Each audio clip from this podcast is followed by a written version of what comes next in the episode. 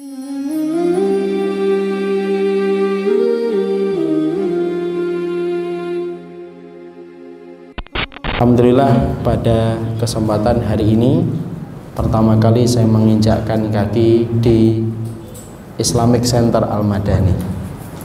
Ya, Masya Allah. Tadi saya ketika datang ternyata sajian buah di piring sudah berkurang separuh. Jadi lumayan sudah ditunggu lama jadi Alhamdulillah pada kesempatan hari ini kita bertemu di Islamic Center ini. Dan tentunya semoga Allah selalu memberikan kebaikan kepada setiap para pengurus, pengurus dan komponen-komponen yang ada di Islamic Center ini. Karena sesungguhnya saya melihat ini tempat yang sangat nyaman dan semoga sudah banyak orang yang mengambil faedah dan mengambil manfaat pada Islamic Center dan masjid ini karena tidak ada yang mampu memakmurkan masjid dan Islamic Center kecuali orang yang diberikan sifat oleh Allah walam yakhsha illallah. Dia tidak takut kecuali kepada Allah.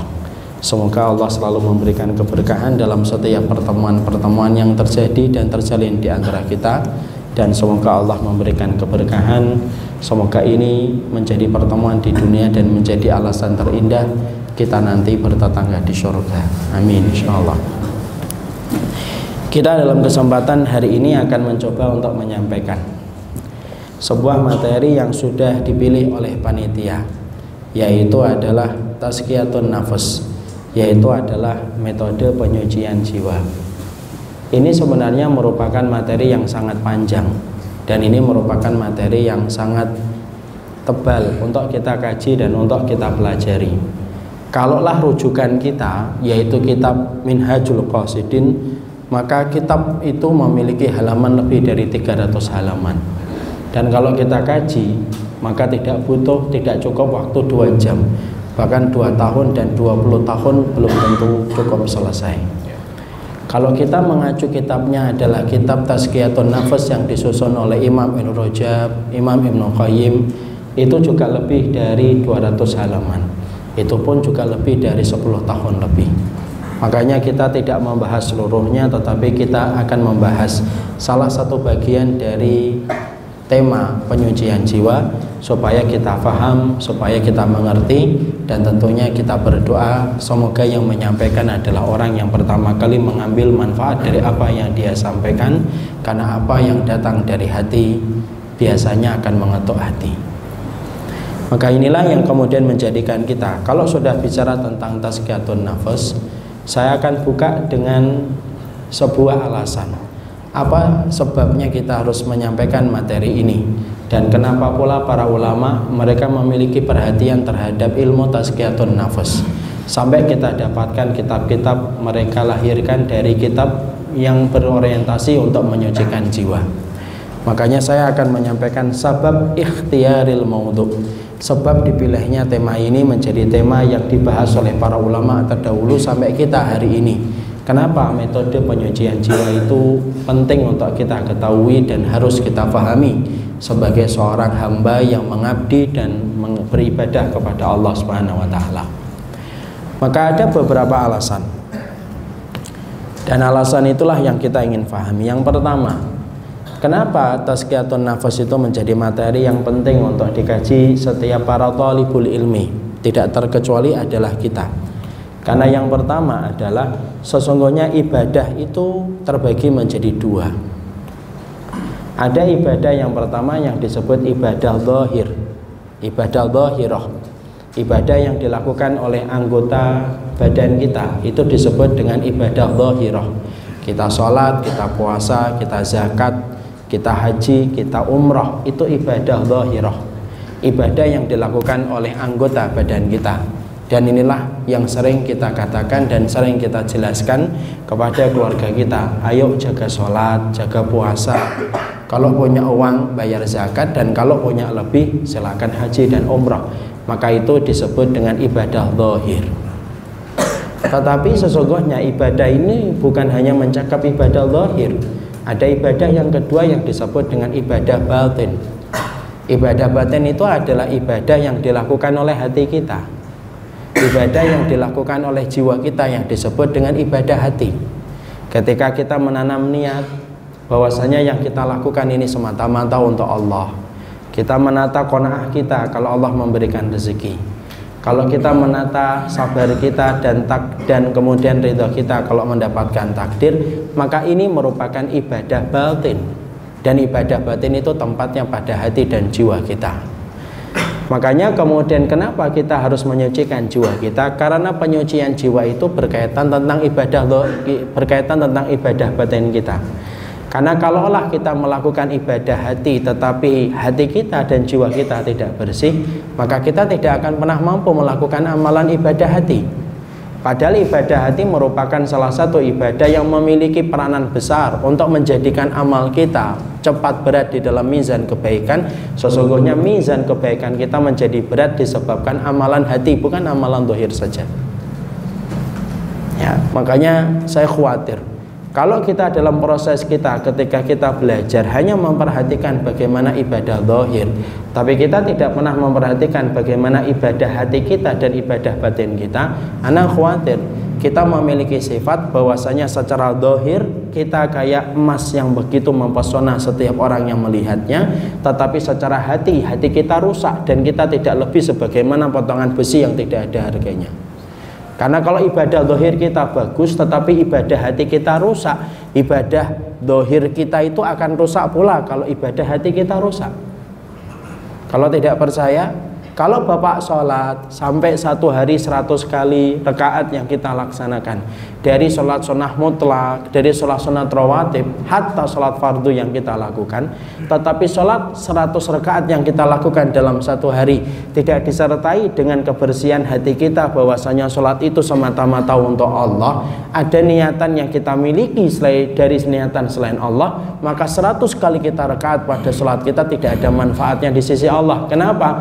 Karena niat yang kamu tanam pada hatimu tidak tertuju hanya kepada Allah. Dan itulah yang disebut dengan ibadah batin. Makanya para ulama terdahulu sampai mereka mengatakan ketika ditanya mana yang lebih berat ketika ditimbang dalam mizan kebaikan ketika masing-masing nanti kita dikumpulkan dihisap oleh Allah? Mana yang paling berat ketika ditimbang oleh Allah? Apakah ibadah dohir ataukah ibadah batin dan para ulama menyampaikan sesungguhnya ibadah batin itu merupakan perkara yang paling berat ketika ditimbang dalam mizan kebaikan kita. Jauh melebihi beratnya ibadah dohir yang dilakukan oleh anggota badan kita. Dan itulah yang menjadikan kita hari ini faham. Ternyata ibadah itu bukan hanya mencakup satu wilayah dan satu area ibadah dohir tapi ada area berikutnya yang disebut dengan ibadah batin. Makanya kita khawatir kalau kita hanya melulu memperhatikan ibadah dohir dan itu tidak salah, tapi kelak, tetapi karena kelalaian kita akhirnya ibadah hati kita menjadi tidak kita perhatikan. Kalau semacam itu rusak apa yang telah kita lakukan. Ustadz tunjukkan mana dalilnya bahwasanya ibadah hati sangat berperan pula untuk membentuk bagaimana ibadah dohir kita dan tunjukkan dalilnya bahwasanya ibadah hati lebih berat di dalam mizan kebaikan daripada ibadah dohir. Oke, saya akan tunjukkan dalilnya. Dalilnya itu adalah ketika kita mendapati Rasulullah menerangkan kepada kita. Orang-orang yang pertama kali diputuskan nasibnya oleh Allah dan dijebloskan oleh Allah ke dalam neraka pertama kali. Mungkin kita akan membayangkan peminum khamr salah, pezina salah. Mungkin kita akan membayangkan pembunuh salah, tapi ternyata Rasulullah mengatakan dalam satu riwayat Muslim yang disampaikan dari Abu Hurairah, Rasulullah itu bersabda, "Inna awalan nasi yugda yaumal qiyamati salasatun." Orang yang pertama kali diputuskan nasibnya oleh Allah dipanggil di padang masar ketika yang lain harap-harap cemas untuk dipanggil oleh Allah ada tiga orang yang dipanggil oleh Allah dan diputuskan nasibnya untuk masuk neraka terlebih dahulu siapa? yang pertama rojulun qatala fi sabilillah yang pertama adalah laki-laki yang dia berperang selama hidupnya, seumur hidupnya dia berperang sampai meninggalnya pun di tempat peperangan. Dan kita paham ya, jihad itu puncak amalan Islam. Artinya tidak ada yang nandingi puncak dari amalan ini setelah jihad itu tidak ada lagi. Mentok puncaknya itu jihad. Harusnya amalan jihad itu amalan yang dikatakan para salafus salih Amalan inilah amalan yang akan mendekatkan posisi kita dengan Nabi dan para Rasul kalau di surga. Maka orang tersebut dipanggil oleh Allah pertama kali. Lalu Allah menghisapnya, Allah bertanya kepadanya, Ma'amil tafi, ngapain dulu kamu ketika di dunia? Orang itu berkata, kotal tuh, saya ini berperang. Untuk siapa? Fika, untukmu ya Allah. Allah kemudian mendebatnya, Allah mengatakan, kadabta, bohong, dusta. Sesungguhnya kamu berperang itu supaya kamu disebut pemberani dalam setiap peperangan yang kamu ikuti. Fakot qila dan orang itu sudah menyebutmu sebagai pemberani. Diseret wajahnya ke daratan masyar, dilemparkan ia ke dalam neraka pertama kali mencicipi api neraka. Waliyadzubillah. Itu adalah mereka yang menjadi mujahid yang melakukan puncak amalan Islam tetapi ternyata terkleset di dalam masalah niatnya yang merupakan ranah ibadah hati. Keplesetnya dia dalam masalah niat menyebabkan dia dimasukkan ke neraka pertama kali. Di situ menunjukkan kepada kita ibadah dohir itu sampai mentok ke amalan jihad tapi tidak disertai dengan amalan hati yang benar yaitu niat rusak ibadah dohir walaupun menjulang tinggi. Yang kedua orang yang ngajar. Yang ketiga orang yang sedekah dan mereka ternyata justru menjadi orang yang pertama kali masuk neraka ketika kepleset dalam masalah niatnya. Niat ibadah hati. Jihad ibadah dohir. Dakwah ibadah dohir. Nyari ilmu ibadah dohir. Sedekah ibadah dohir. Maka ibadah zahir ini walaupun tampaknya mempesona, walaupun tampaknya memukau, tapi ketika amalan hatinya itu rusak dan kepleset, maka ibadah yang sudah memukau dalam ibadah zahir menjadi rusak parah disebabkan ibadah hatinya rusak. Dan itulah untuk menunjukkan kepada kita, jangan main-main sama ibadah hati, karena ibadah hati itu menentukan proses ibadah zahir kita juga. Makanya Imam Abu Hanifah kan pernah nangis gara-gara ngobrol dengan seorang anak kecil. Kepleset Imam Abu Hanifah, anak kecil itu berkata, Allah tidak apa-apa Imam, kamu hanya kepleset di dunia. Kepleset kita di dunia hanya keselio, tetapi keplesetnya hati kita nanti di akhirat itulah yang menyebabkan kita akan dimasukkan ke neraka dan itulah yang menjadikan Imam Abu Hanifah menangis. Jadi itu dalil pertama untuk menunjukkan kepada kita, jangan main-main jadi kalau kita kemudian beribadah, jangan hanya engkau perhatikan sholatmu, jangan hanya engkau perhatikan bagaimana umrahmu, tapi perhatikan apa yang bertengger pada hati kita karena sesungguhnya ibadah ini itu memiliki peranan yang paling besar di sisi Allah. Makanya sampai kita menjumpai Abu Bakar itu menjadi manusia yang paling utama setelah Rasulullah itu bukan karena sholatnya Abu Bakar itu menjadi manusia yang paling utama setelah Rasulullah bukan karena puasanya. Dan Abu Bakar menjadi manusia yang paling utama setelah Rasulullah itu bukan haji dan umrahnya. Tapi Abu Bakar itu menjadi manusia yang paling utama setelah Nabi? Iya. Sampai Rasulullah SAW bersabda di dalam satu kitab yaitu buku sirah diterangkan kalau seluruh manusia itu ditaruh di dalam satu timbangan lalu seluruh manusia itu ditaruh di timbangan satu sisinya seluruh manusia di sini nih dari ujung timur ke ujung barat, dari utara ke selatan. Semua manusia dikumpulkan pada satu timbangan. Abu Bakar seorang diri ditaruh di dalam satu sisi timbangan, maka timbangan iman dan amal solehnya Abu Bakar itu lebih berat daripada seluruh manusia yang dikumpulkan. Itu Abu Bakar, Pak. Jadi kalau kita nanti dikumpulkan dari ujung timur sampai ujung barat, dari ujung utara sampai ke selatan, kemudian Abu Bakar seorang diri ditimbang pada sisi timbangan yang satunya, imannya Abu Bakar lebih berat daripada kita semuanya. Apa yang menjadikan Abu Bakar menjadi manusia yang paling utama setelah Nabi Muhammad? Salatnya? Enggak, Pak. Salatnya Abu Bakar mah lebih banyak salat kita. Wong rakaatnya kita itu dimulai dan dihitung oleh Allah dari semenjak kita balik kok.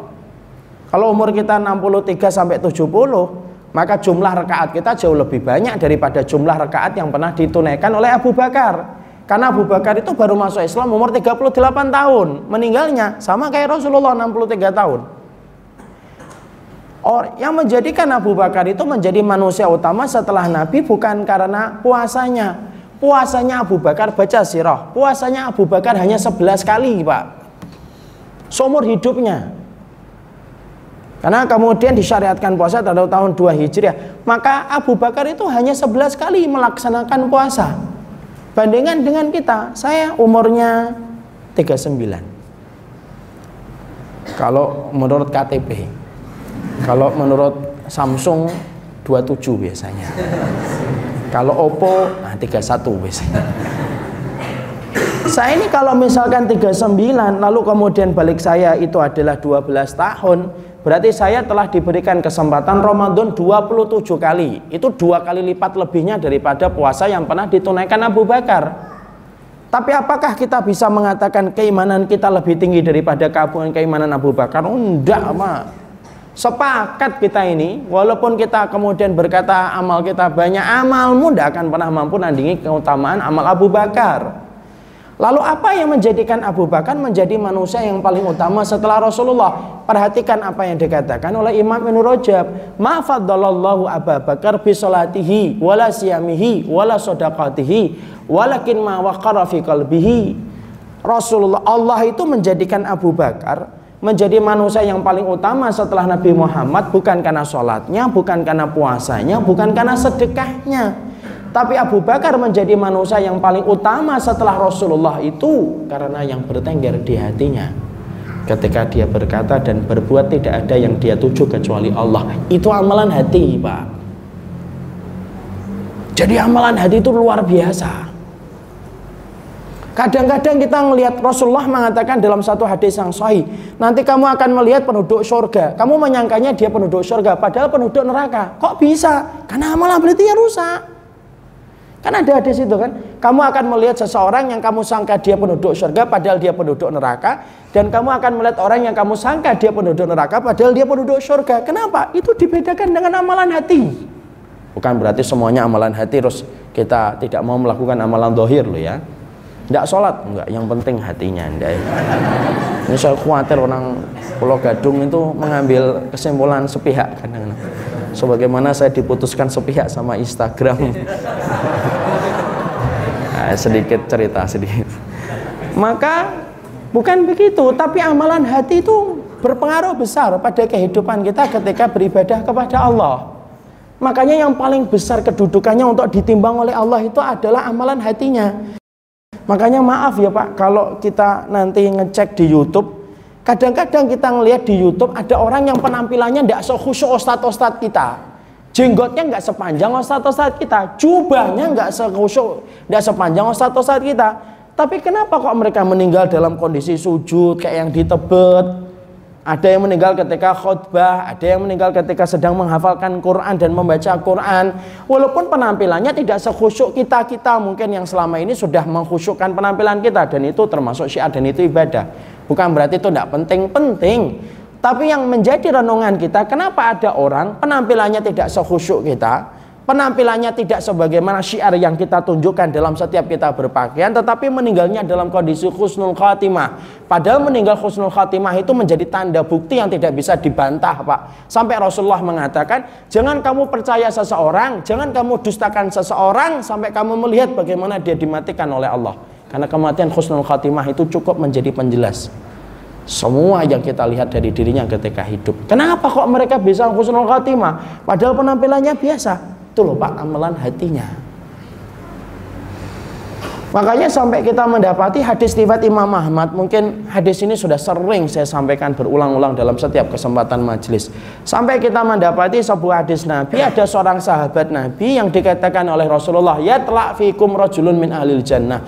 Ini mentar lagi ini ada laki-laki penduduk surga yang datang laki-laki ansor nenteng sandal dengan tangan kanannya tangan kirinya kemudian jenggotnya basah berulang-ulang Nabi mengatakan yang semacam itu sampai tiga kali Sampai kemudian ada seorang sahabat yaitu Abdullah bin Amr bin As putra dari Amr bin As penasaran kenapa laki-laki Ansor ini ditunjuk oleh Nabi sebagai penduduk surga diulang-ulang oleh Nabi sampai tiga kali.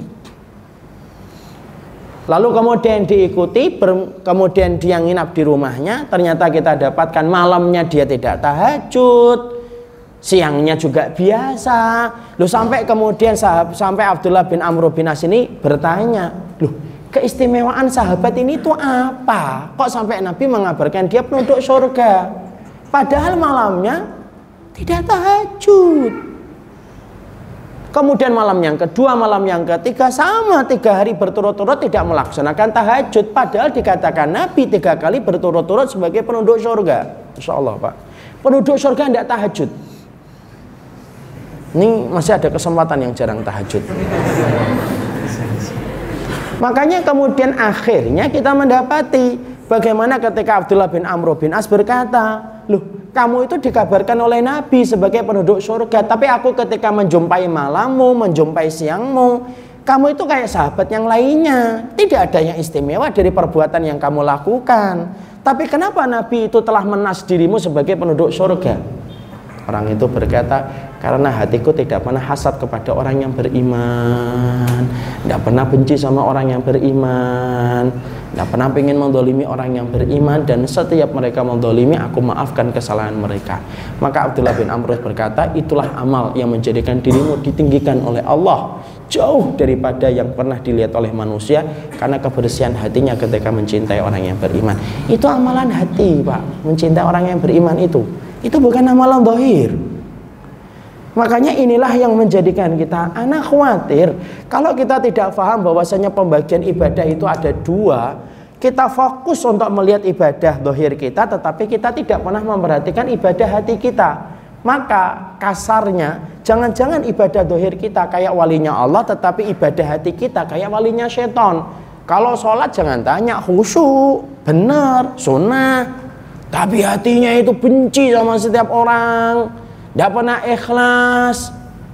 Kalau sudah semacam itu rusaklah.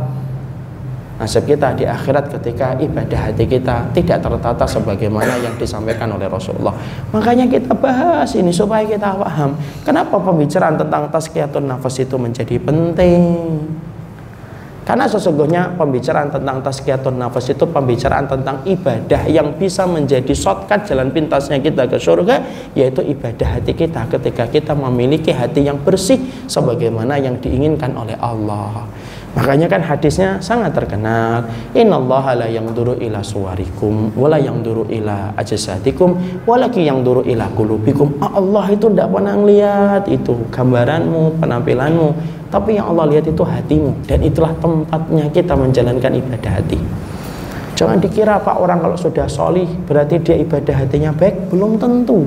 Siapa yang ngomong kayak gitu? Ibnu Zauzi kenapa dia ngomong kayak gitu karena dia pernah mendapatkan bukti langsung apa buktinya yaitu adalah ketika Ibnu Zauzi pernah melihat seseorang tua selalu sholatnya di soft pertama pak Lalu kemudian tiba-tiba pada soft yang pertama itu dia tidak pernah ketinggalan di soft yang pertama. Maka kemudian ketika dia selalu sholat di soft yang pertama, tiba-tiba dia diuji oleh Allah putranya meninggal dunia. Apa yang dikatakan olehnya? Dia bersenandung, mengecam dan mencela takdir yang dia dapatkan. Kenapa ya Allah engkau berikan kepadaku takdir dengan kematian anakku? Dia menggugat takdir Padahal menggugat takdir itu termasuk salah satu dosa besar. Di situlah Ibnu Zauzi berkata Belum tentu orang yang ahli ibadah itu menjadi orang yang tertata hatinya Sampai dia betul-betul menempa hatinya sebagaimana hati yang diinginkan oleh Allah dan Rasulnya Makanya jangan sampai kita ini karena tidak paham fokus ibadah lohir diperhatikan. Dan itu memang kewajiban bukan salah. Tapi ketika fokus dan konsentrasi kamu pada ibadah lohir menjadikan kamu tidak memperhatikan ibadah hatimu rusak Pak. Karena ibadah hati itu sangat berat ditimbang oleh Allah dan itulah yang menjadikan kita mulai faham kenapa tazkiyatun nafas itu harus dibahas karena kitab ini karena tema ini akan mengarahkan kita mengkondisikan kita memberikan atmosfer dalam suasana kita belajar. Hatimu ini loh yang dijaga. Bukan hanya sholatmu bukan hanya puasamu tapi kondisi hati kita ketika beribadah kepada Allah. Ini alasan yang pertama kenapa tazkiyatun nafas itu penting. Yang kedua yang kita harus memahami kenapa tazkiyatun nafas itu menjadi tema yang cukup penting yang kedua adalah karena sesungguhnya tidak ada organ tubuh yang paling cepat lelah dan paling cepat letih kecuali hati kita, Pak. Dan ini harus dibersihkan. Dan cara membersihkan itulah yang dibahas di dalam tema-tema tazkiyatun nafas. Karena organ tubuh yang paling cepat kotor itu mana? Hati. Maaf ya kalau Bapak dan Ibu saya tanya, mana organ tubuh yang paling cepat kotor? Kalau kita menjawab wajah, nah itu berarti kita korban iklan. Maksudnya wajah itu harus dibasahi dengan sabun-sabun tertentu supaya bersih. Salah. Organ tubuh yang paling cepat kotor dan organ tubuh yang paling cepat lelah itu hati. Karena apa? Karena sesungguhnya hati kita ini penglihatan hati itu lebih tajam daripada penglihatan mata. Coba kalau kita kenalan, baru kenalan sama orang, assalamualaikum, nama antum siapa? Tak langsung hati kita kerja. Wah orang ini kayaknya begini, orang ini kayaknya begini, orang ini kayaknya begini. Itu hati. Lelah dia pak ngerespon tiap waktu itu. Dan dia cepat kotor. Kenapa? Karena sesungguhnya setiap paparan dosa itu yang pertama kali terkena dampaknya itu hati kata Nabi. Makanya kalau kita melakukan dosa, yang sangat berubah dalam kondisi tubuh kita itu yang berubah bukan wajah. Orang kalau melakukan dosa itu tidak dikasih jerawat satu, enggak. Tapi orang kalau melakukan dosa itu dikasih satu titik. Titiknya di mana? Pada hatinya. Dan sesungguhnya hati selain dia berpotensi untuk menjadi paling cepat kotor, hati itu paling cepat lelah. Kenapa? Berubah-ubah terus. Makanya kenapa hati itu dalam bahasa Arab disebut dengan kolbun. Kenapa kok hati disebut kolbun? Lisur hati ingkila biha. Karena cepat berputar-putar dan berbolak-balik. Itu hati. Contoh ya. Kadang-kadang kalau kita baru kenalan sama orang gitu. Pagi-pagi. Dia cerita. Sukses mengelola bisnis online. Omsetnya hampir 100 juta per hari. Maka kita pagi langsung mengatakan, wah kelihatannya saya bisa mengikuti jejaknya. Dan insya Allah omset saya akan lebih daripada dia itu pagi nanti siang beda lagi siang ketemu temannya yang ternyata temannya sekarang sudah mulai menghafalkan Quran dan sudah hafal 5 juz. Nah itu keinginan untuk pebisnis online lupa pagi itu. Karena apa? ketemu sama teman yang hafal Quran. Dia akan berkata insya Allah nanti saya akan jadi penghafal Quran saja dan saya insya Allah hafalannya lebih banyak daripada dia. Itu siang. Itu siang. Nanti malam berubah lagi. Buka WA gitu kemudian kita ngeliat ada teman kita mengelola rumah anak yatim. Saking barokah dia ketika mengelola anak yatim asalnya rumahnya 200 meter sekarang banyaknya nyumbang rumahnya jadi 1000 meter menjadi tempat yang nyaman untuk anak yatim. Nah, sudah berubah. Kelihatannya saya bisa ini mengelola anak yatim ini. Itu manusia. Hati kita itu paling lelah. Hati kita ini paling letih. Makanya ketika kita mengetahui itu hati kita melihat orang beda-beda ini. Kalau sekarang memperhatikan materi tazkiyatun nufus Masya Allah saya akan menjaga hati saya. Eh, sore. Ini sore. Nanti malam ketemu dengan materi tentang antara Prabowo dan Jokowi. Ya sudah berubah materi tazkiyatun nufusnya ini kelihatannya harus nomor dua ini. Contoh. Contoh. Contoh. Ya sudahlah. Yang terpenting kemudian nomor dua lagi misalnya itu contoh. Maka kemudian itu berubah lagi. Kenapa kemudian hati kita cepat berubah? Karena sesungguhnya tidak ada perkara yang kemudian paling cepat mempengaruhi kondisi hati kita kecuali adalah hati. Cepat berpengaruh pak. Makanya ketika kita paham bahwasanya hati kita paling cepat terpapar dengan pengotornya dan hati kita paling cepat lelah, carilah tempat untuk mengistirahatkan hati kita dan tidak ada obat untuk mengobati hati kita kecuali kepada pemaparan ilmu dari para ulama ketika mereka membahas bagaimana tentang masalah tazkiyatun nufus, membersihkan hati kita karena pada kondisi itulah kita akan merasakan bagaimana membersihkan hati kita ketika lelah dan ketika letih. Dan ingat membersihkan hati tidak sama dengan membersihkan anggota badan yang lainnya. Karena membersihkan segala sesuatu itu beda-beda.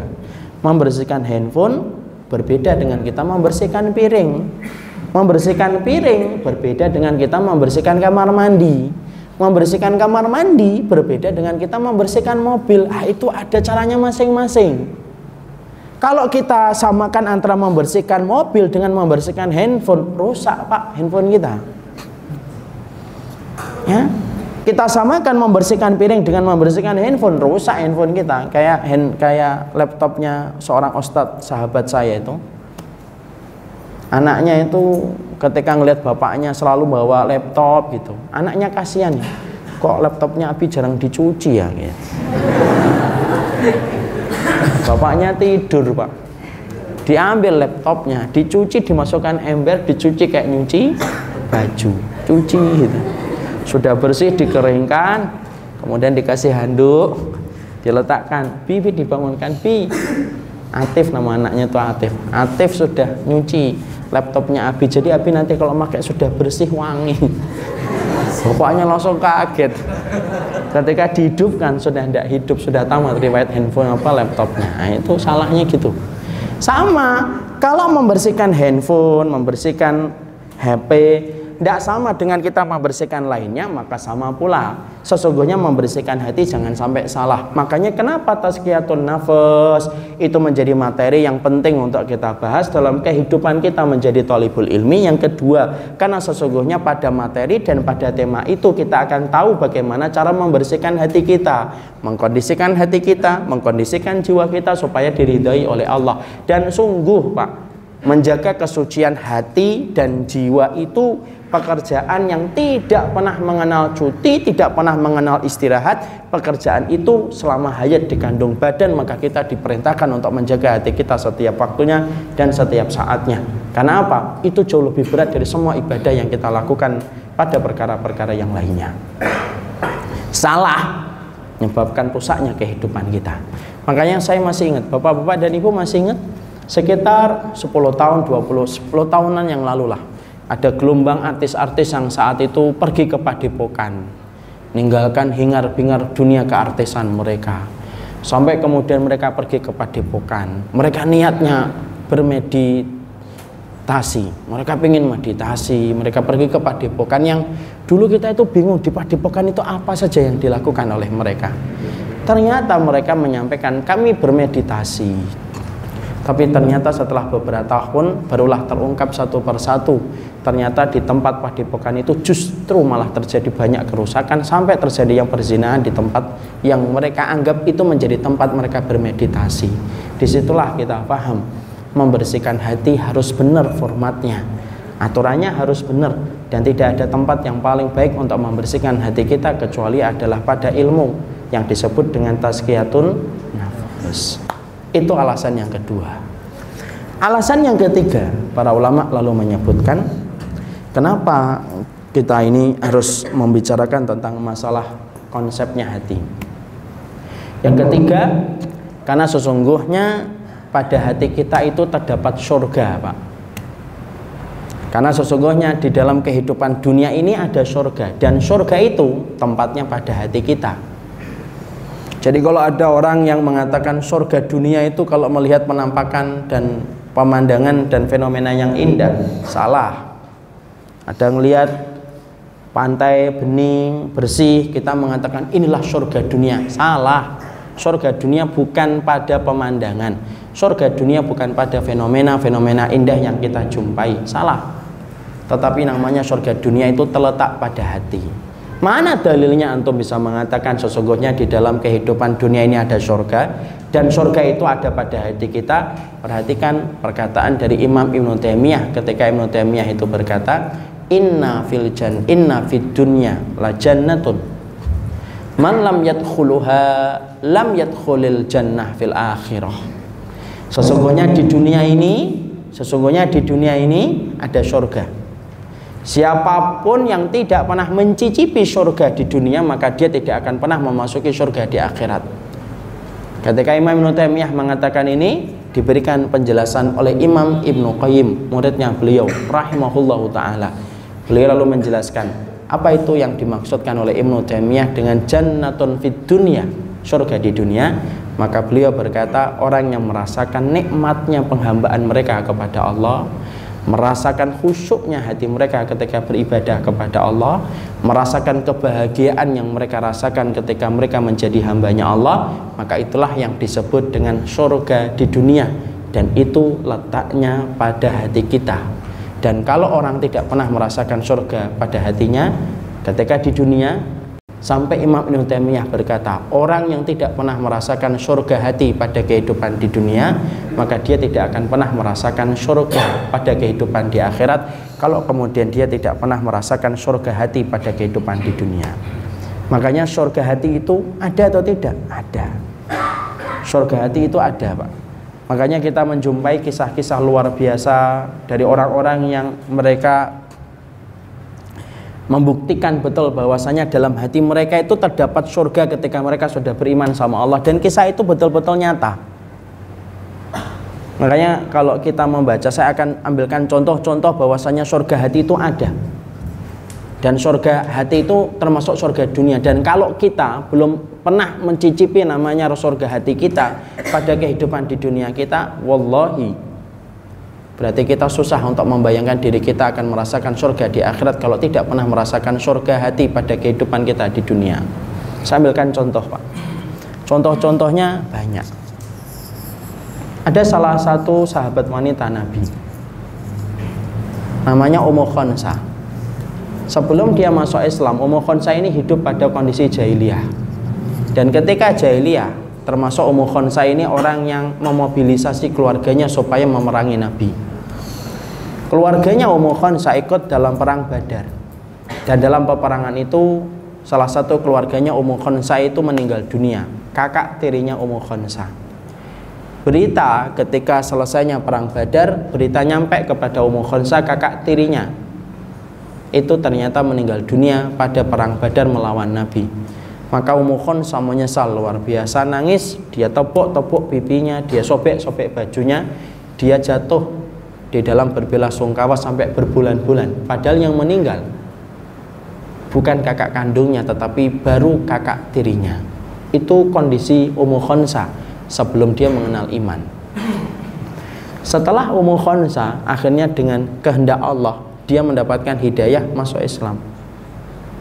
Lalu kemudian Ummu Khonsa setelah masuk Islam maka Ummu Khonsa Masya Allah kemudian betul-betul merasakan nikmatnya iman. Sampai kita menjumpai Ummu Khonsa ketika terjadi peperangan jihad Ummu Khonsa membangun sebuah kemah. Dia kumpulkan empat putranya untuk ngumpul bersama dengan beliau. Ummu Khonsa berkata kepada empat putranya laki-laki ibu ingin supaya kalian besok ikut berperang membela kalimat Allah dan ibu ingin supaya kalian empat-empatnya tidak ada yang kembali dalam kondisi hidup kecuali kalian telah gugur pada peperangan. Mungkin kita akan menyangka Allah itu cuma lip service saja. Ternyata tidak. Pagi harinya satu persatu anaknya beliau pamit meninggalkan ibunya untuk berperang. Menjelang siang kurir dikirim kepada keluarga satu persatu yang meninggal keluarganya dalam peperangan tidak terkecuali Ummu Khonsa. Ummu Khonsa diberitahu oleh kurir empat putranya meninggal gugur di jalan Allah. Perhatikan, seorang wanita ditinggalkan empat putranya. Padahal kita paham ya musibah paling besar bagi seorang wanita itu bukan ditinggalkan suami. Tapi musibah paling besar seorang wanita adalah ketika dia menghadapi kenyataan anaknya meninggal dunia dan dia harus menabur tanah pada jasad anaknya. Itulah musibah paling besar. Tapi yang terjadi Ummu Khonsah hanya meneteskan air mata. Dalam beberapa riwayat dijelaskan dia sempat sujud syukur ketika empat putranya sudah meninggal dunia. Dia akhirnya seorang diri pak sampai dia meninggal dunia dan tidak ada kegembiraan yang dia paling besar rasakan kecuali dia mendapati empat anaknya sudah dibeli oleh Allah di dalam peperangan. Itu surga hati pak kalau kisah ini kita lihat di film, ah, mungkin kita akan mengatakan fiktif. Kalau kisah ini pernah kita lihat di drakor, drama Korea, lah kita pasti mengatakan ini rekayasa. Kalau kisah ini kita pernah lihat di Bollywood, alah apalagi Bollywood pak, loncat aja bisa dibuat fiktif loncatnya mereka itu. Ninju sebelum kena ke muka sudah terlempar jauh, itu India. Tapi kisah ini kita baca dalam hadis-hadis Rasulullah SAW untuk menunjukkan kepada kita surga hati itu nyata, Pak. Dan itu bukan sesuatu yang dinamakan dengan rekayasa. Saya akan tambahkan, ada seorang sahabat namanya Urwah bin Zubair. Itu ketika beliau pernah tertancap panah ketika dalam peperangan akan dicabut oleh sang tabib. Ketika akan dicabut oleh sang tabib, maka kemudian beliau berkata, "Jangan cabut sekarang. Saya merasakan sakit pada panah yang menancap pada betisku ini." Tabib berkata, "Kapan saya akan mencabutnya?" "Nanti saja. Kalau saya sholat, silakan dicabut." Dia sholat, dicabut sama sang tabib. Saking khusyuknya dia sholat, dia tidak merasa kalau panah itu sudah dicabut. Ketika dia salam, maka dia berkata, "Nazak tahu, sudah kamu cabut?" Tabibnya mengatakan sudah kami cabut Masya Allah Saking khusyuknya dia dalam sholat Panah yang nancap di betisnya Itu dicabut tidak terasa. Dan ketika membaca dalam hadisnya riwayat muslim itu saya mikir panjang Masya Allah ya. Sekhusyuk apa itu ibadah dia dalam sholatnya itu? Sampai kemudian ketika sholat ketika panah dicabut dari badannya dia tidak merasa. Kita ini kalau sholat saja nyamuk belum apa-apa itu sudah gatal duluan gitu ya. Padahal nyamuknya belum ngapa-ngapain itu. Nyamuknya baru mengatur strategi dan rencana untuk itu kita sudah gatal duluan. Di situ kita paham, loh ternyata itu masya Allah itu. Saya pernah baca lagi di Palestina. Di Palestina itu saya pernah membaca ada seorang ibu diberitahu sama aku sama petugas dari negara Israel penjajah itu memberitahu anak dia yang ada di penjara itu mati di penjara dan akan dikuburkan secara rahasia oleh pihak Israel dan tidak dikembalikan kepada keluarganya. Loh, saya itu membaca dia kalau tidak salah di Hidayatullah itu. Itu kemudian ibunya bangun baru saja diberitahu anaknya meninggal dunia di penjara dan mayatnya tidak dikembalikan lagi ke dia dan akan dikuburkan secara rahasia oleh pihak Israel ibunya malah hari itu langsung membuat roti yang paling enak yang pernah dia buat. Setelah itu dibagi-bagi roti itu. Ketika ditanya kenapa kok kayak gitu bu? Karena anak saya sudah meninggal di tangan orang yang dibenci oleh Allah berarti anak saya berada pada jalan yang benar. Dan itu dibagi roti Kenapa kita dapatin hal semacam itu begitu nyata? Karena surga hati itu ada, akhi. Makanya ketika saya di surah itu salah satu tempat yang membuat saya itu Masya Allah.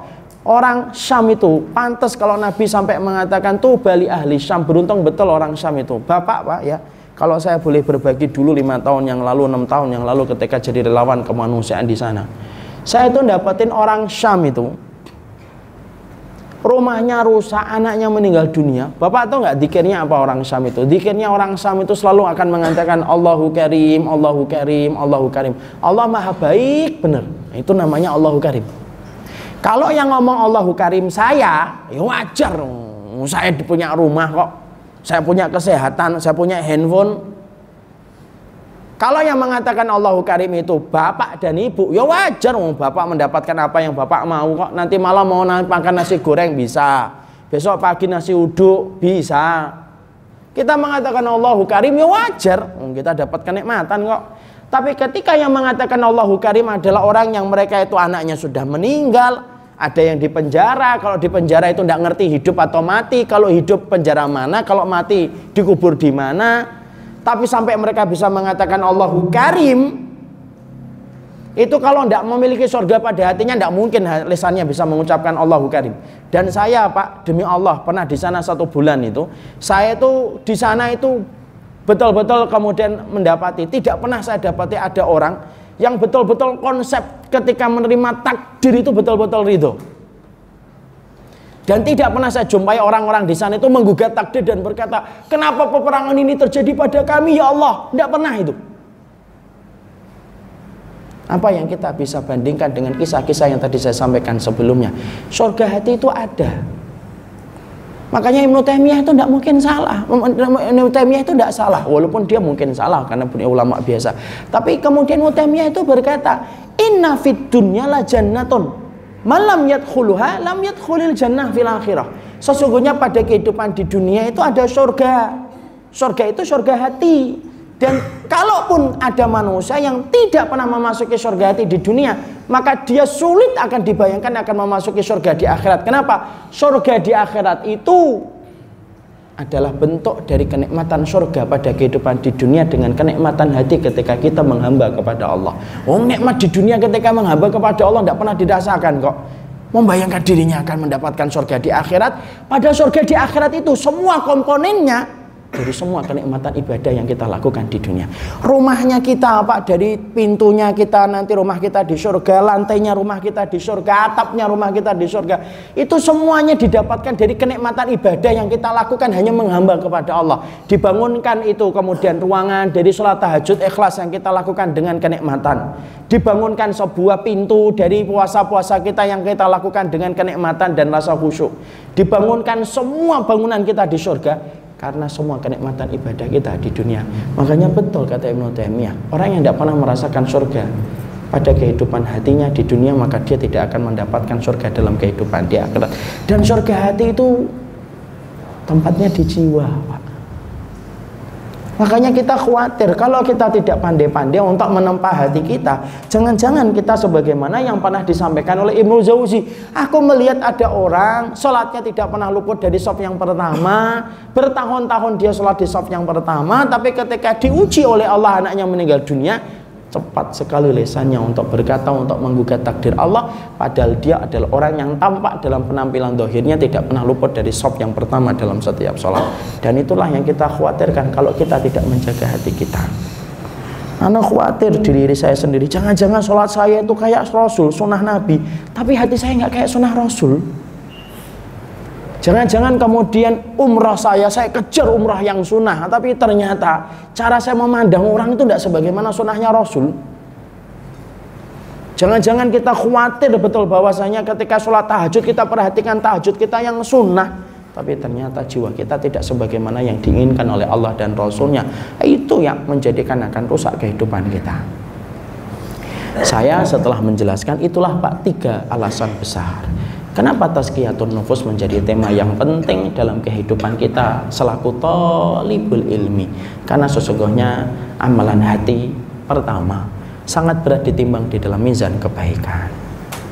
Yang kedua, ini hati ini paling cepat kotor dan tidak ada tempat membersihkan hati yang kotor kecuali adalah pada majelis ilmu ketika membahas penyucian hati dan jiwa kita. Dan yang ketiga, karena pada hati dan jiwa kita ada surga hatinya dan surga hati itu terletak bukan di tangan, bukan di kaki, bukan di pemandangan yang indah, tapi surga hati itu terletak ketika kita mendapatkan hati kita merasakan sukacita dan kenikmatan menjadi hambanya Allah.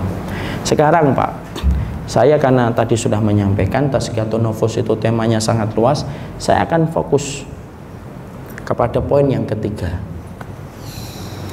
Kenapa ya Ustadz? Banyak di antara kita tidak pernah merasakan nikmatnya surga hati. Lah ini harus kita pahami. Kalau hati kita ternyata setelah tadi kita mendapatkan penjelasan bahwasanya surga hati itu nyata adanya dan itu terletak pada hati kita.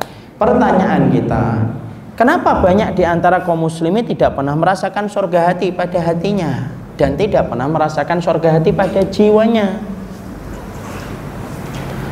Maka jawabannya simpel dan sederhana.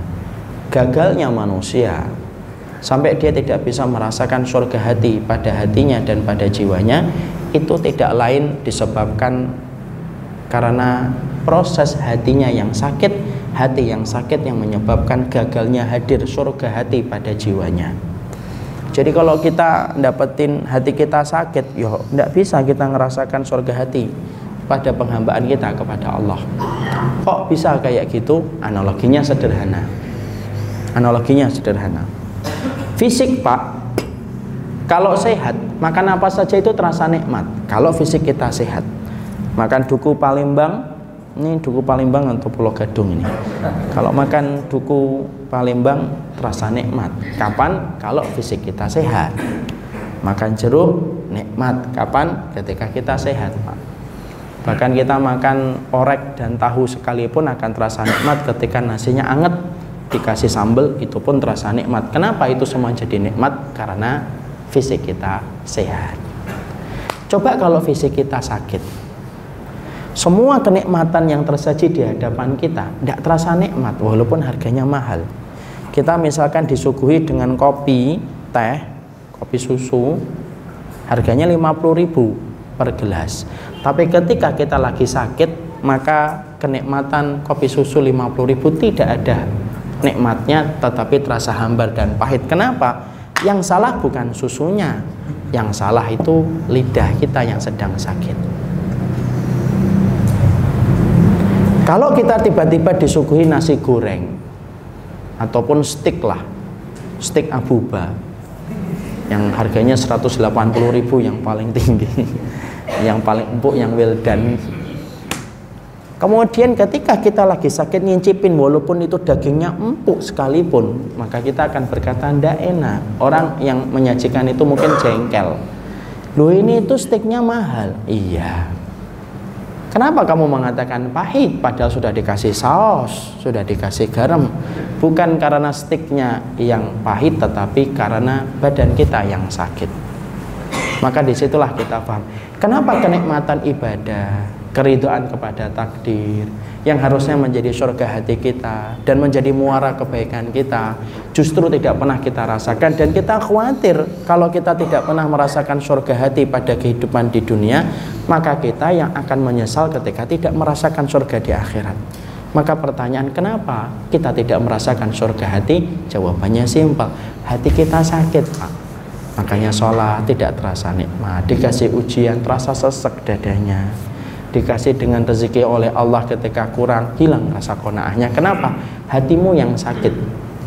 Karena sejatinya ibadah itu harusnya memberikan kenikmatan pada penghambaan kita kepada Allah. Tapi ketika hati kita sakit kenikmatan penghambaan itu jadi hilang. Sebagaimana fisik yang sakit menjadikan kenikmatan makanan dan minuman itu menjadi hilang. Ya makanya ketika kita kemudian merasakan kalau kita memang sudah tidak merasakan surga pada hati kita berarti kita harus betul-betul untuk memperbaiki hati kita. Iya. Mengobati hati.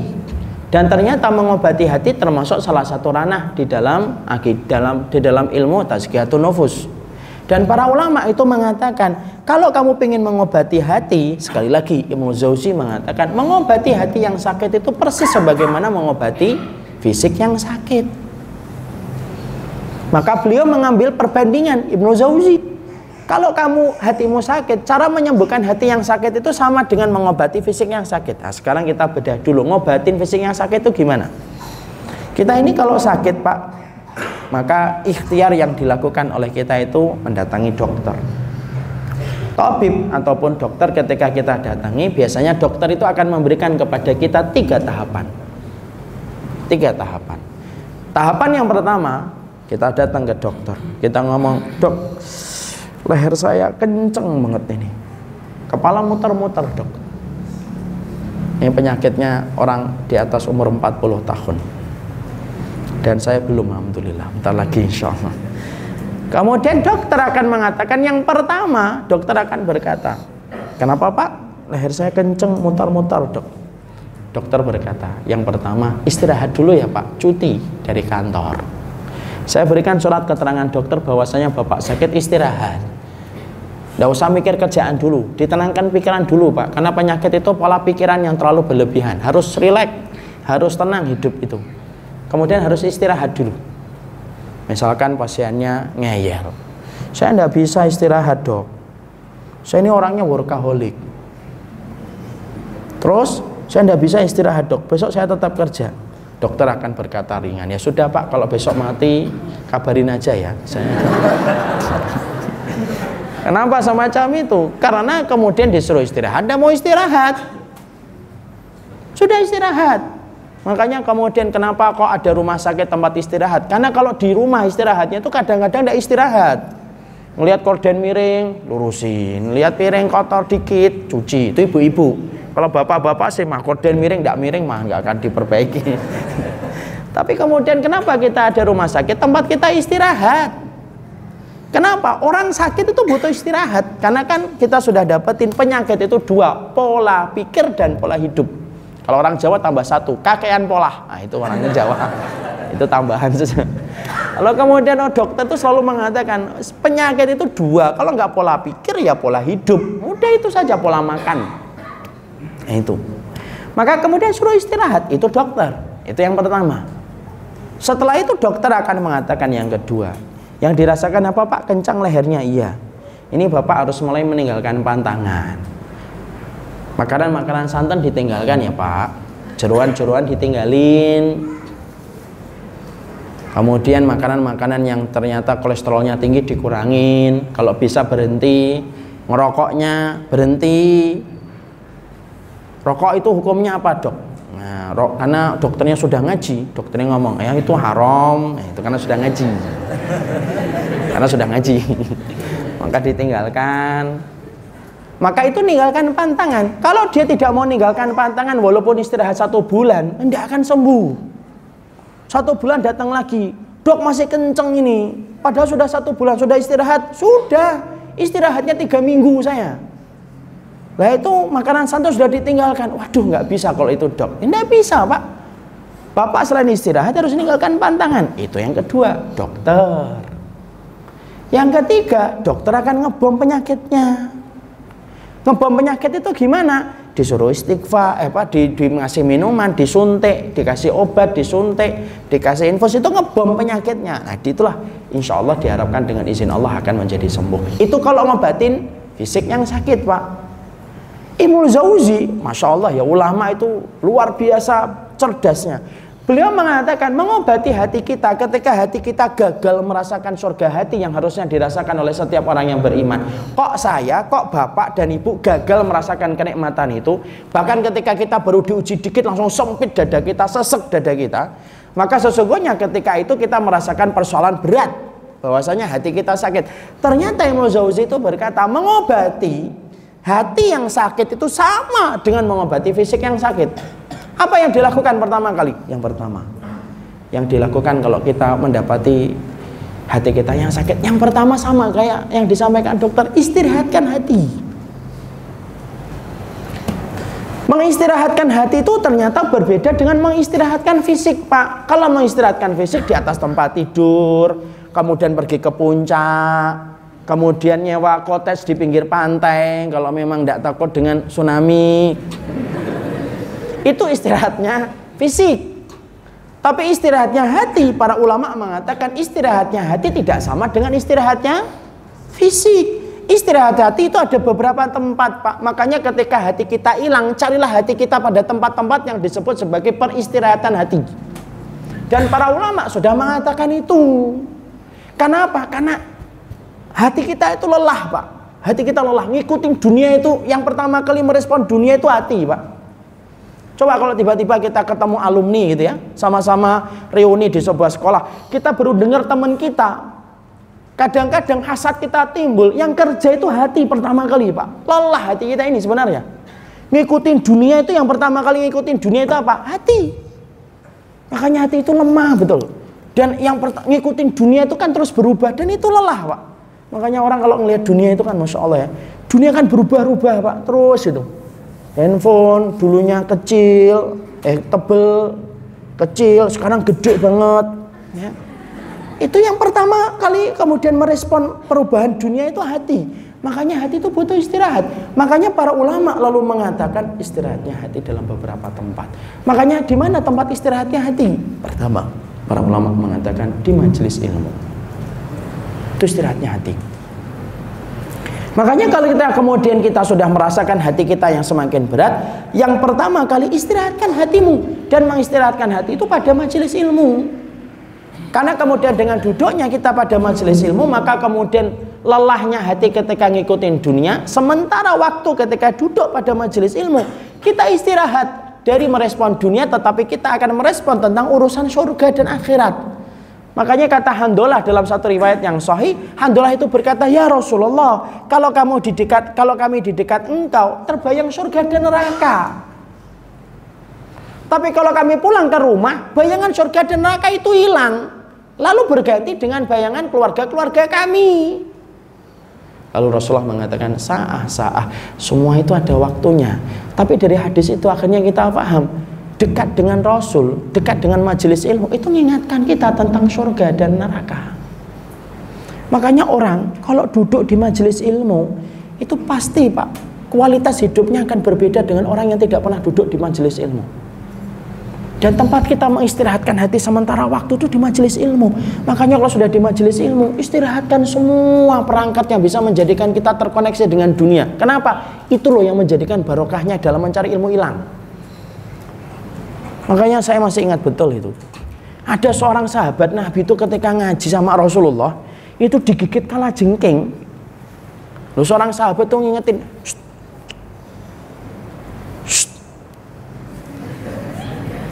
malah yang ngingetin itu marah jengkel. Oh, diingetin ada kala jengking malah saya suruh diem.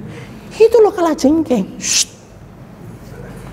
Lo sampai selesai pak, lo sampai selesai kajian itu, setelah Rasulullah menutup kajian itu, itu kakinya bengkak, itu kala jengkingnya baru diambil dibuang. Dia ngomong sakit ya, oh ya sahabat yang ngingetin ngomong. Lu aku udah ingetin dari tadi kok. Tahu nggak jawabannya apa pak? Dan ini riwayat sering dijadikan sandaran oleh para ulama tentang adab di dalam majelis ilmu. Sahabat itu berkata, saya tidak mau menyibukkan pikiran saya dengan urusan-urusan yang remeh ketika perkataan Allah dan Rasulnya sedang diperdengarkan dan sedang disampaikan untuk memberikan nasihat kepada hatiku. Makanya Pak makanya sampai saya itu kalau di majelis-majelis saya yang sudah lama-lama gitu sudah kayak keluarga gitu saya tidak perbolehkan ada makanan dan minuman. Karena di sini baru sekali belum keluarga. Jadi saya belum bisa mengatakan tidak boleh dimakan dukunya. Karena dukunya sudah habis separuh tadi tapi sebenarnya di situ tempat kita untuk mengistirahatkan hati. Makanya putus pak koneksinya dari seluruh kehidupan dunia. Kalau sudah di tempat majelis ilmu kenapa istirahatnya hati? Makanya orang kalau sudah pulang dari majelis ilmu kan masya Allah ada perubahan yang terjadi. Walaupun perubahan itu beda-beda. Ada yang sampai seminggu masih surga hati masya Allah. Seminggu. Ada yang tiga hari, ada yang satu hari, ada yang ditutup kafaratul majelis lupa surga hatinya. Tapi yang jelas bahwasanya majelis ilmu itu mengingatkan kita tentang surga dan neraka. Makanya kemudian kita, Pak, kalau kemudian orang jauh dari majelis ilmu, perhatikan ya, demi Allah perhatikan. Orang yang jauh dari majelis ilmu, dia tidak ngerti apa yang kemudian harus dilakukan pada kehidupan ini. Pemuda saja, kalau kemudian antara yang sering datang ke kajian sama pemuda yang tidak pernah datang ke kajian itu beda betul Pak. Konten omongannya aja beda. Saya pernah itu makan di warung Padang, tapi bukan warung Padangnya yang pengen saya persoalkan, tapi saya makan itu itu di samping saya anak muda itu ngomongin pak pemain bola tidak berhenti berhenti sepanjang mainan sambil ketawa ketawa terus pindah ke pacarnya pemain bola setelah itu ngobrol, pindah lagi ke game dia. Sampai kemudian saya selesai itu, pembicaranya muter-muter di situ doang, Pak. Padahal ketika saya ngelihat itu umurnya 17, 18, 19, 20-an lah itu. Kenapa mereka membicarakan kayak gitu? Karena tidak pernah tersentuh dengan majelis ilmu. Tapi beda kadang-kadang kalau saya ke pondok tahfid gitu ya. Coba ada ke pondok tahfid di sini ada pondok tahfid kan, Ustaz ya kelihatannya ada miliknya Ustaz Ahmad Ridwan atau kemudian ke pondok gitu. Kita ngelihat anak-anak muda kalau sudah mereka tersentuh dengan ilmu, cara memilih konten pembicaraannya mungkin masih bicara pemain bola. Tapi setidaknya ada hal yang lebih penting yang mereka selalu sampaikan. Kenapa? Ilmu itu membentuk kompas kehidupan kita itu berubah, Pak. Makanya sampai Allah ganjar orang yang datang kepada majelis ilmu itu tidak main-main begitu besar. Kenapa? Karena dengan majelis ilmu lah kita kemudian akan ngerti tujuan dalam kehidupan kita. Wong pemuda antara yang nyari istri, orang yang datang ke kajian sama nggak datang kajian aja beda, Pak. Kalau pemuda nggak pernah datang ke kajian, nyari istri, selalu alasannya itu lucu. Kenapa kamu pilih dia jadi istrimu? Karena orangnya imut. Nah ini. Kenapa kamu pilih dia jadi istrimu? Orangnya enak diajak ngobrol. Ini dikiranya pos kamplingnya mbak. Karena kemudian dia tidak punya konsep untuk jawab kenapa kemudian dia harus cari istri. Tapi beda kalau ada pemuda ketika dia sudah ngerti ilmu, selalu yang dicari kamu pengennya istri yang gimana? Yang hafidah Ustaz. Lah kamu hafalannya berapa? Tiga surat yang terakhir. Tapi setidaknya kemudian dia itu sudah berbeda cara memilih sesuatu itu sudah berbeda.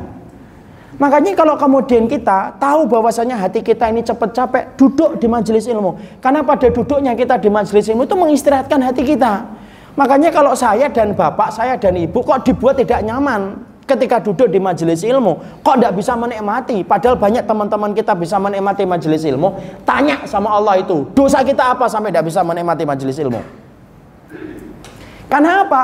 Karena Rasulullah itu menyerupakan ilmu sebagaimana air hujan. Sifatnya air hujan itu numbuhkan yang mati, menghidupkan, menghidupkan yang mati, membasahi yang kering. Berarti kalau orang sedang diatur oleh Allah, duduk kamu di majelis ilmu, berarti Allah itu membuat skenario. Allah ingin hidupkan hatinya dan Allah ingin basahi jiwanya.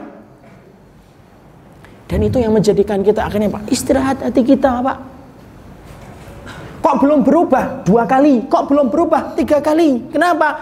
Karena mungkin dosa kita terlalu tebal, cara mencucinya itu terlalu banyak. Cara mencucinya itu perlu waktu yang panjang. Makanya majelis ilmu duduk, di situlah kita kemudian akan mendapatkan kebaikan. Walaupun maaf ya, kadang-kadang pernah ada seorang ulama ditanya dalam fatwanya, Syekh, kami mendengar ada majelisnya Fulan membahas tema ini, padahal tema ini sudah kami ketahui. Apakah saya perlu datang walaupun tema itu sudah kami ketahui? Syekhnya memberikan fatwa, datangilah majelis pada tema yang sebenarnya kamu sudah tahu karena di situ kamu akan mendapatkan keberkahan walaupun ilmunya sudah kamu ketahui. Itu barokahnya, Pak. Makanya saya heran gitu sama orang yang hidupnya itu Senin sampai Jumat kantor, Sabtu dan Ahad mancing. Ini mancing nggak salah. Tapi kalau mancing menghilangkan kewajiban yang besar itu saya bingung gitu loh. Senin sampai Jumat ngantor Sabtu dan Ahad goes lah terus ilmunya ditaruh di mana terus kapan hati kita istirahat pak terus merespon dunia habis ngelihat kantor kemudian ngelihat ikan pikirannya gimana menjebak ikan itu supaya saya dapat Gimana caranya goes? Bukan masalah goes itu boleh. Saya nggak mengharamkan. Tidak ada ulama yang mengharamkan goes. Tidak ada ulama yang mengharamkan mancing. Tapi kalau goesmu dan mancingmu sampai menafikan dan menepikan kewajiban kamu nyari ilmu, nah terus di hati mana kita akan istirahat? Loh kalau fisik kita aja butuh ke puncak supaya kemudian kita tidak penat melihat mobil yang berjejer terus itu setiap hari apalagi ke Bekasi. Walau naudzubillah min dalik. Sampai kemudian kayak gitu dan kita butuh sesekali refreshing sama istri kita, sama keluarga kita. Kita pergi ke puncak, kita pergi kemudian ke pinggir pantai supaya kita refreshing itu. Loh, hati kita ini perlu refreshing, Pak. Refreshing itu di taman surga. Makanya carilah majelis ilmu yang mendidik kita supaya menjadi lebih baik. Yang asalnya kasar jadi lembut. Yang asalnya dulu bermusuhan jadi saling mencintai. Bukan malah sebaliknya. Karena pada majelis itulah kita mengistirahatkan hati. Allah bedakan Pak antara orang yang berilmu dan orang yang tidak berilmu itu Allah bedakan. Nanti kita setelah duduk di majelis ilmu, sholatnya kita itu dibedakan pahalanya dengan sholatnya orang yang tidak pernah datang ke majelis ilmu. Masa Ustaz? Iya. Mana dalilnya? Kul hal yastawil ladina ya'lamuna waladina la ya'lamun. Allah akan memberikan pertanyaan yang tidak membutuhkan jawaban. Emang sama antara orang yang tahu dengan orang yang tidak tahu? Tidak sama ibadahnya. Pahalanya juga nggak sama. Tapi harus duduk di majelis ilmu. Majelis ilmu yang menjadikan kita itu akhlaknya juga baik.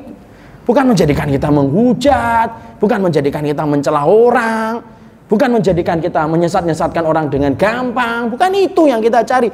Majelis ilmu tempat mengistirahatkan hati supaya hati kita tambah bersih ketika melihat orang lain, supaya kita menjadi tambah tawaduk ketika mendapatkan ilmu, supaya menjadikan kita lebih rendah hati dari ketika kita mendapatkan ilmu. Di situ istirahatnya hati kita. Ya, tentunya jangan terlalu sering juga. Majelis ilmu ketika menjadi tempat istirahatnya hati jangan terlalu sering. Sehari empat kali itu tidak disarankan. Sehari dua kali. Kenapa Ustadz nggak boleh sering-sering? Saya lagi semangat ini. Saya baru hijrah.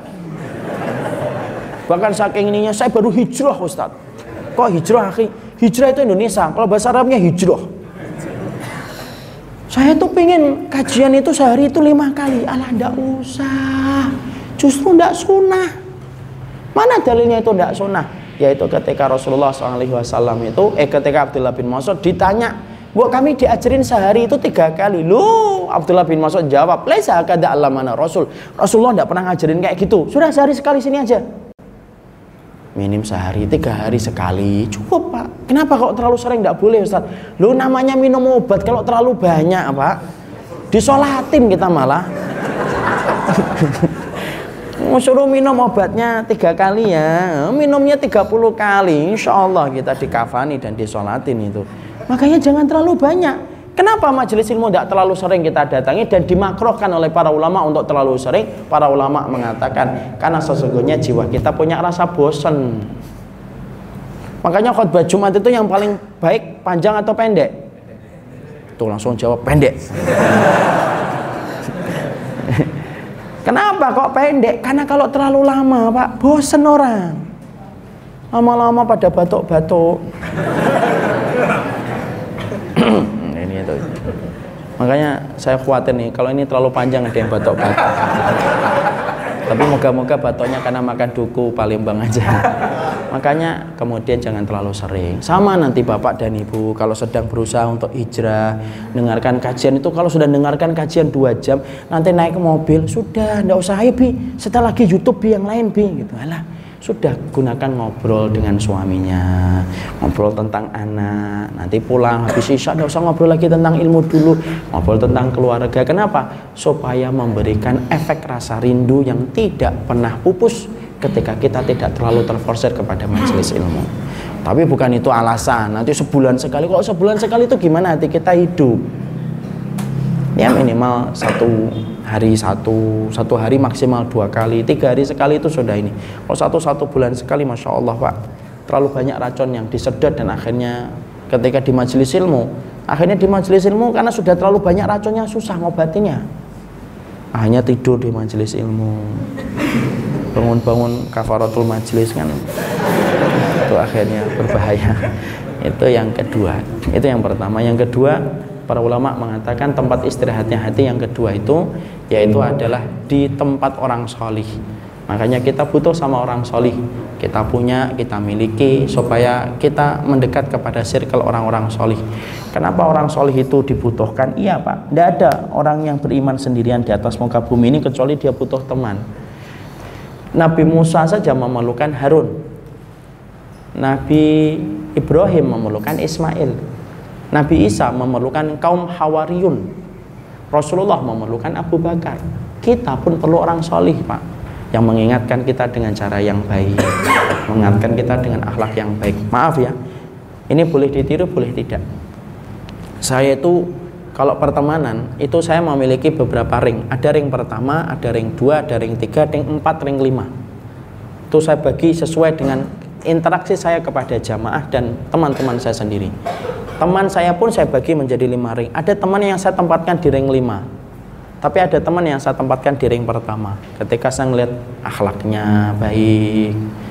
Makanya Pak, kalau ada seorang sama-sama mahasiswa dia di Madinah, di Fakultas Syariah dan di mana pun, kalau dia itu lesannya terjaga, tidak gampang yang satin, saya pasti akan bersahabat sama dia. Ring pertama saya ini ada jamaah-jamaah juga yang saya sudah dekat sama mereka dan sudah bonding, sudah kayak keluarga. Ada jamaah-jamaah saya karena sudah perjalanan lama, sudah kayak keluarga bagi saya. Kalau mereka sudah minta apa pun itu, selalu saya dahulukan mereka karena saya melihat kebaikan mereka, keimanan mereka dan khidmahnya mereka. Sama dengan teman saya ini. Dan di circle yang pertama, ring pertama itu saya punya orang solih, Pak. Saya datang, saya belajar, Belajar itu tidak harus selalu dengan mengatakan kalau Allah kalau Rasul duduk di majelisnya mereka, duduk ngobrol, membicarakan tentang keluarganya mereka itu masya Allah itu kayak air itu bersihkan hati kita. Makanya sampai-sampai Allah itu saking senengnya kita itu berteman sama orang solih sampai dikasih pancingan sama Allah. Apa pancingannya? Kalau kamu mati disolati 40 orang solih yang tidak berbuat syirik sama Allah kamu dapat syafaat. Itu pancingan dari Allah. Cari orang solih kalau kita tidak pernah punya teman orang solih, maaf lo ya, kasarannya, Allah itu mencondongkan kita dengan sebagaimana kecondongan jiwa kita. Kalau jiwa kita ke dunia, mungkin teman-teman kita ya dunia, tapi kalau kecondongan jiwa kita ke akhirat, pasti Allah pertemukan dengan kita orang solih, Pak. Dan kalau sampai nanti kita meninggal dunia, kok disolati 40 orang solih yang tidak pernah berbuat syirik sama Allah, Bapak akan mendapatkan syafaat dari mereka itu. Syafaatnya mereka. Coba. Dicek itu handphonenya, jangan-jangan 40 orang sol itu ndak ada. Ya kan? Nah ini artis semuanya, artisnya nggak kenal kita gitu. 40 orang soli ndak ada itu. Padahal kalau kemudian kita sebenarnya maaf ya, kalau kita kenalan sama orang, kita ini kalau kenalan sama orang itu sebenarnya sedang memilih dia untuk mensolati kita nanti kalau kita meninggal dunia. tapi tidak usah ngomong loh pas kenalan loh ya sebenarnya itu saya kenalan dengan kamu supaya kamu tidak usah gitu. Tapi 40 pak 40 itu yang saya katakan betul-betul soli loh. Dia faham. Yang ketika dia sholat jenazah itu dia ngerti bacaannya dia faham cara membacanya. Bukan hanya muslim tok yang betul-betul mukmin. Dia ketika sholat Allahu Akbar dia ngerti rakaat ruku apa, takbir yang pertama baca apa, takbir yang kedua baca apa, kehidupannya menjauhi dosa besar. Nah, di situlah yang disebut dengan orang yang soleh. Dan itulah yang kedua, mengistirahatkan hati kita kepada orang soleh. Dan maaf, kalau kita sudah berteman sama orang soleh itu harus menjemput bola, tidak bisa nunggu. Ya kita harus menjemput bola. Makanya saya tuh punya waktu bulanan. Kadang-kadang datang ke pondok saya di Boyolali. Datang pak dua hari, tiga hari. Ngeliatin ustadz-ustadz yang dulu mendidik saya menjadi anak tangga pertama saya ketika belajar ilmu syari.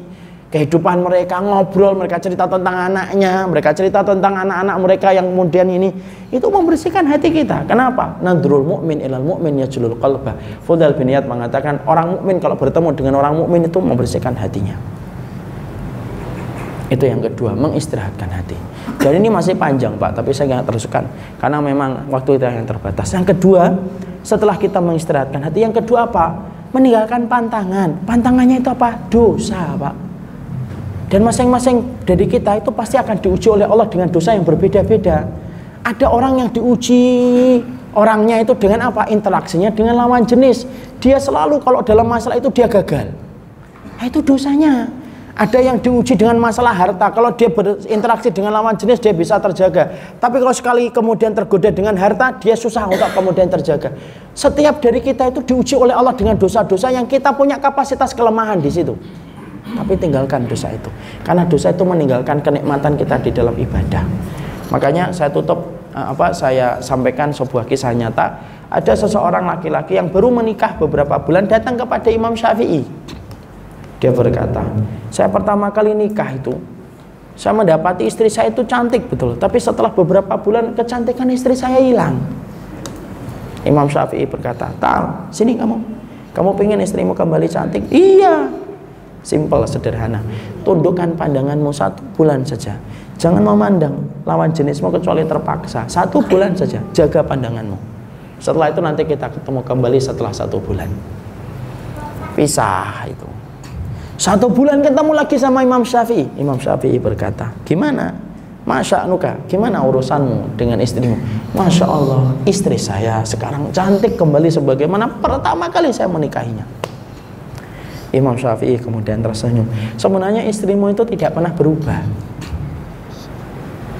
Tidak pernah berubah.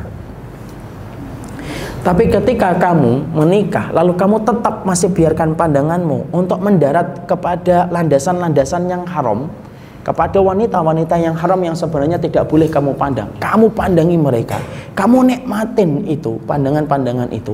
Lalu kemudian kamu bayangkan dari wanita-wanita yang kamu pandang itu, setelah kamu berusaha menikmati yang haram, Allah cabut kenikmatan yang halal. Allah campakkan kenikmatan pada yang haram. Akhirnya istrimu menjadi biasa. Tapi ketika kamu berusaha taat kembali, kamu tundukkan pandanganmu disertai dengan komitmen kamu tidak memandang mereka kecuali terpaksa, maka ketika kamu berusaha meninggalkan kenikmatan pada yang haram, Allah ambil, Allah campakkan kembali kenikmatan pada yang halal. Itulah yang terjadi ketika kamu melihat istrimu. Yang haram itu ninggalkan kenikmatan yang halal, Pak. Maaf ya. Orang yang dengerin musik itu mungkin nggak bisa nikmatin Quran Orang yang minum khamr tidak bisa dia nikmatin yang halal. Orang yang berzina, oh wallahi demi Allah itu kalau ada laki-laki yang berzina, booking perempuan sampai berzina, demi Allah itu pasti dia akan pernah menikmati ketika dia mencampuri istrinya. Kenapa? Semua dosa itu mengambil jatah kenikmatan pada yang halal. Jadi kalau kita bertanya, kenapa malam kita itu malam tidak bisa bangun? Simple. Kamu nggak ninggalkan yang haram di waktu siang, Allah cabut kemampuan kamu untuk bangun di waktu malam. Itu kata para ulama. Kenapa Quran kok tidak kemudian kita nikmatin itu? Karena kamu masih menikmati semua perkara-perkara yang sebenarnya kamu tahu itu haram dan tidak ada manfaatnya. Kamu nikmati setiap membaca, mendengarnya sampai Allah tinggal sampai Allah cabut kenikmatan pada yang halal. Dan itulah yang kedua. Kenikmatan haram kalau sudah dinikmati itu menjadikan kenikmatan halal itu tidak akan pernah kita jumpai dalam perkara surga hati. Itu yang kedua. Yang ketiga dibom pak penyakitnya yaitu dengan istighfar dan taubat. Taubat dua rakaat sholat dua rakaat. Kapan saja sholat dua rakaat itu? Siang boleh malam boleh. Kecuali pada tiga waktu yang diharamkan oleh Allah. Pada waktu matahari terbit tidak boleh sholat. Pada waktu matahari tepat di atas kita tidak boleh kita sholat. Pada waktu matahari tenggelam tidak boleh sholat. Tapi di lain tiga waktu itu kita sholat taubat. Sholat taubat ingat dosa kita pernah meninggalkan sholat ngambil wudhu sholat dua rakaat. Banyak sedekah pak. Sedekah itu menghapuskan dosa sebagaimana air menghapuskan dan memadamkan api. Istighfar yang banyak. Dan istighfar itu cepat untuk membersihkan hati kita. Itulah yang menjadikan kita memahami. Itulah yang disebut dengan surga hati. Jadi makanya kalau saya dan bapak hari ini pada hati kita belum nampak itu surga hati. Kita sering merasa sesak dada kita. Sering kita mendapatkan jatah rezeki yang berkurang kita marah-marah. Tidak ada kenikmatan dalam penghambaan kita. Mari kita cek kembali. Mungkin hati kita yang sakit dan tahapan mengobati hati yang sakit ada tiga.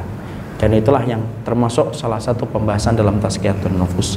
Barakallahu fikum. Ini yang dapat saya sampaikan dalam pertemuan hari ini Semoga Allah memberikan keberkahan kepada kita.